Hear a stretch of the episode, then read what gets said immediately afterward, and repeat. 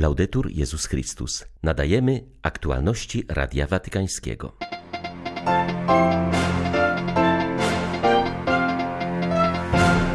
Uważajcie na ideologie, które chcą zniszczyć lub przemalować rodzinę, powiedział Franciszek na audiencji dla Papieskiego Instytutu dla Nauk o Małżeństwie i Rodzinie.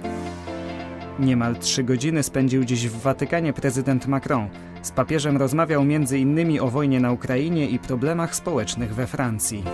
W Rzymie trwa doroczne spotkanie wspólnoty świętego Idziego na rzecz pokoju. Jutro weźmie w nim udział papież.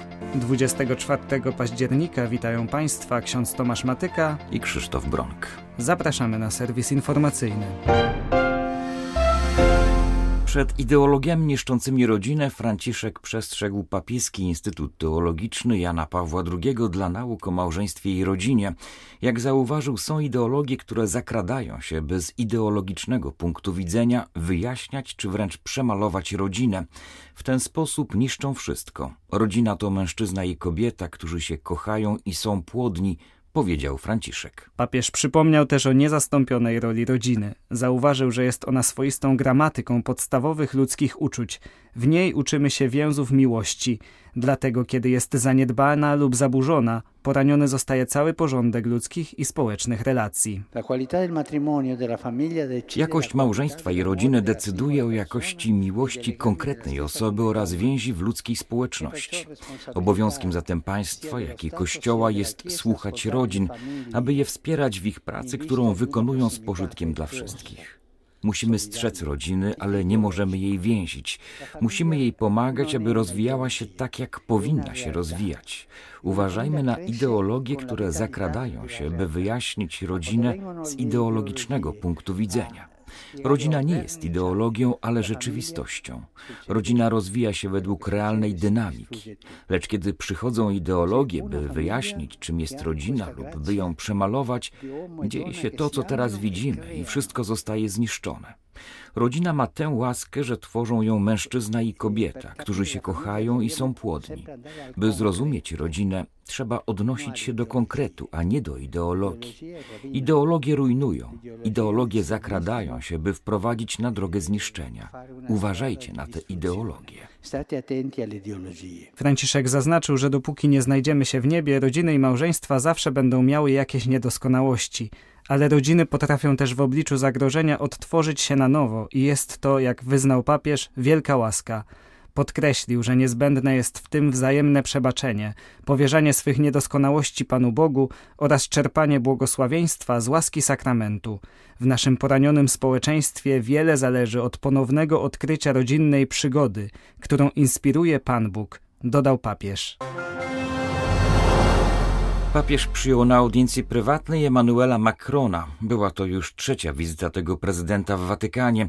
Po raz ostatni przyjechał w listopadzie ubiegłego roku. Tym razem spędził tu niemal trzy godziny. Obecność Macrona w Watykanie jest związana z międzyreligijnym spotkaniem na rzecz pokoju, które organizuje w Rzymie Wspólnota Świętego Idziego. Francuski prezydent uczestniczył wczoraj w inauguracji tego wydarzenia wraz z prezydentem Włoch Sergio Mattarellą. Audiencja u papieża trwała niespełna godzinę. Jak podaje oficjalnie oficjalny komunikat watykański rozmawiono o sprawach międzynarodowych, począwszy od konfliktu zaczętego przez Rosję, ze szczególnym uwzględnieniem sytuacji humanitarnej. Szczególną uwagę poświęcono też wydarzeniom na Kaukazie, Bliskim Wschodzie i w Afryce. Według źródeł prezydenckich rozmawiano też o kwestiach społecznych we Francji, takich jak migracja czy dyskusja na temat eutanazji. Po audiencji u papieża prezydent spotkał się z watykańskim sekretarzem stanu kardynałem Pietro Parolinem i szefem watykańskiej dyplomacji arcybiskupem Paulem Gallagherem. Po południu przewidziano jeszcze wizytę Emmanuela Macrona w Bazylice Świętego Jana na Lateranie. Jest on bowiem honorowym protokanonikiem tej świątyni. Ów honorowy tytuł prezydenci Francji odziedziczyli po królach.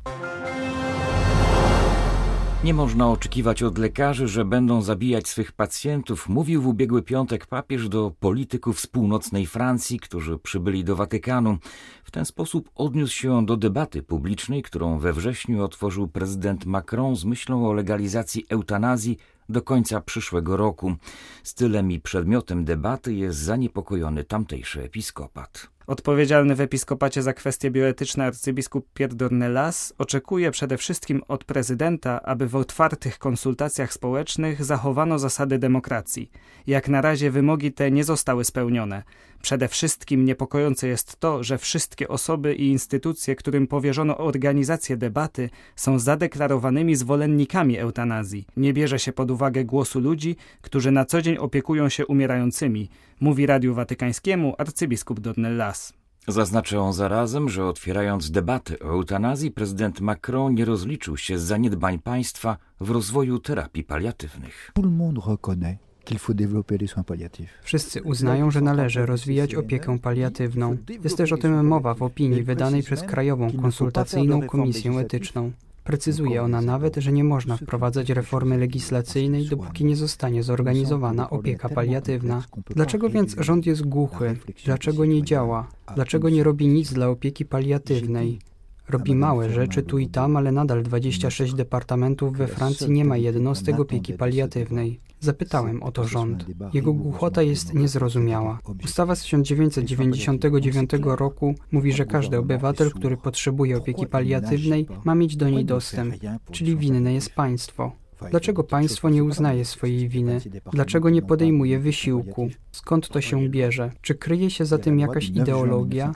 Słyszę, jak dyrektorzy domów starców zwalniają się z pracy, bo rząd ogranicza środki. Mówią, rezygnuję, bo to już nie są moje wartości, zmierzamy w kierunku złego traktowania pacjentów, a ja nie zgadzam się na to. Dlaczego rząd tego nie słyszy? Wszyscy to wiedzą. Dlaczego rząd nic nie robi? Dla mnie to jest zagadka. Nie rozumiem tego. Gdybym miał zaszczyt spotkać prezydenta Emmanuela Macrona, zadałbym mu dokładnie to pytanie: dlaczego rząd nie słyszy? Je lui poserai la question exactement comme ça. Pourquoi le gouvernement n'entend pas? W Rzymie od wczoraj trwa zgromadzenie organizowane przez Wspólnotę Świętego Idziego w duchu modlitwy i dialogu. Tematem spotkania jest wołanie o pokój. Na wydarzenie przybyli przedstawiciele wielu kościołów chrześcijańskich, judaizmu czy islamu, a także politycy i humaniści, m.in. prezydenci Włoch i Francji. Cele zebrania inspirowanego spotkaniami modlitewnymi w Asyżu wyjaśnił wyraźnie założyciel wspólnoty świętego Idziego Andrea Riccardi. W te dni, jak już zostało powiedziane, gromadzą się w Rzymie liderzy i wyznawcy różnych religii ze świeckimi humanistami. Wojna rzeczywiście wróciła na europejską glebę wraz z rosyjską inwazją na umęczoną Ukrainę i dotychczas nie widać drogi wyjścia. Ponadto nasz zglobalizowany świat z powodu konfiguracji, wielości wpływowych osób zaangażowanych w dane sprawy i potęgi broni sprzyja temu, żeby wojny stawały się wieczne, bez końca tak jak dzisiaj w Syrii, gdzie mamy dzieci, których młode życie doświadczało wyłącznie czasów konfliktu. Należy słuchać wołania o pokój płynącego z różnych części świata.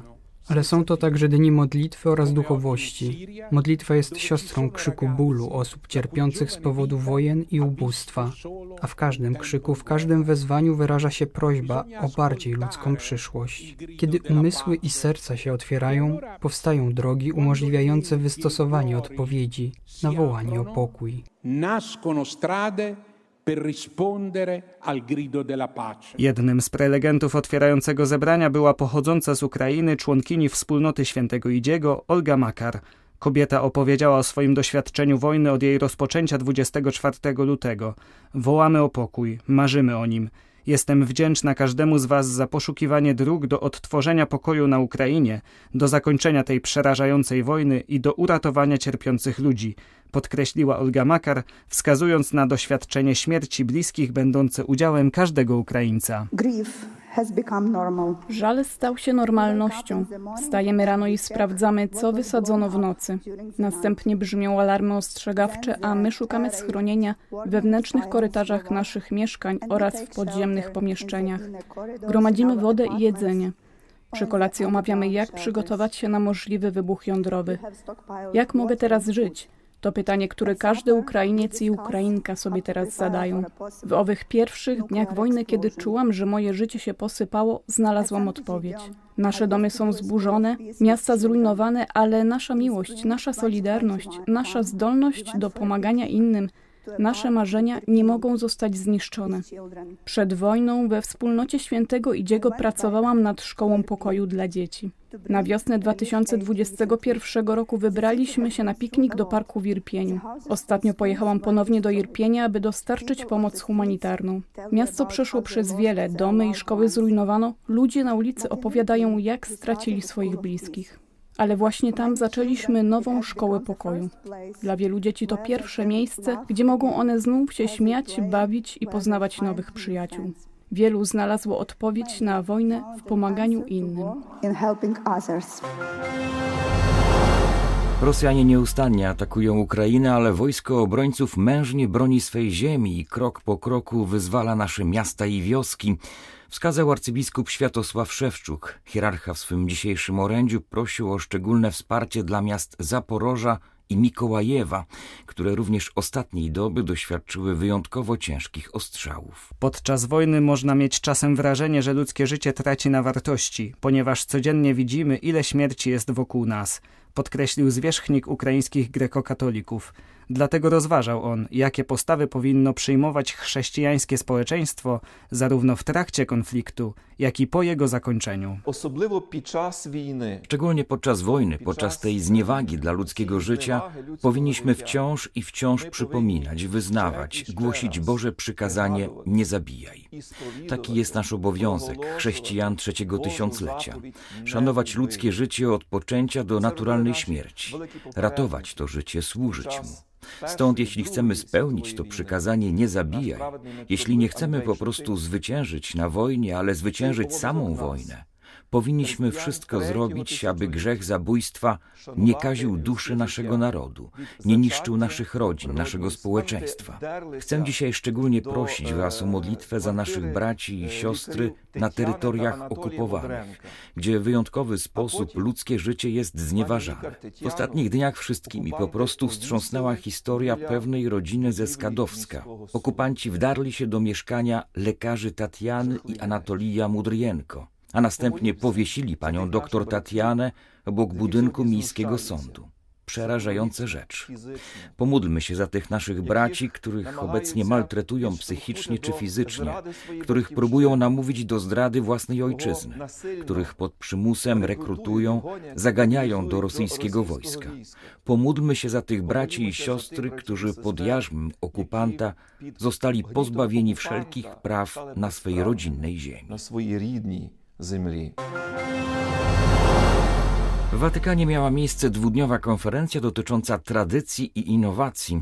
Zgromadziła prezesów francuskich firm oraz przedstawicieli administracji watykańskiej. Naszym celem było zorganizowanie pewnego rodzaju wyprawy naukowej do Rzymu dla szefów francuskich spółek, aby dać im możliwość spotkania się z ludźmi z Watykanu i wspólnej dyskusji nad kwestią innowacji mówi ojciec Eric Salobir, prezes Human Technology Foundation. Chcieliśmy, aby uczestnicy odkryli, że tradycja i innowacja nie są sobie przeciwstawne. Często myślimy, że jeżeli zachowujesz tradycję, to nie będziesz innowacyjny, bo ograniczysz się do kopiowania przeszłości. To nie jest jednak właściwy obraz. Tradycja jest skarbcem, z którego czerpiemy, aby odpowiedzieć na wyzwania przyszłości. To podobny proces jak ten, który następował w Rzymie od najdawniejszych czasów. To jest, że ludzie brali kamienie kamienie ze starych budowli i wykorzystywali je do budowy nowych. Nie jesteśmy więc w sytuacji tabula rasa, czystej tablicy. Nie możemy budować i wynajdywać, zaczynając od zera. Ostatecznie mamy do czynienia z nieustannym wzajemnym dostosowywaniem się tradycji i innowacji. Innowacja nie jest w stanie powstać z niczego, a tradycja nie może z kolei postępować ciągle w ten sam sposób, bez koniecznych adaptacji.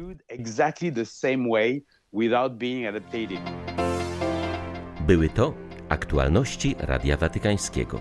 Laudetur Jezus Chrystus.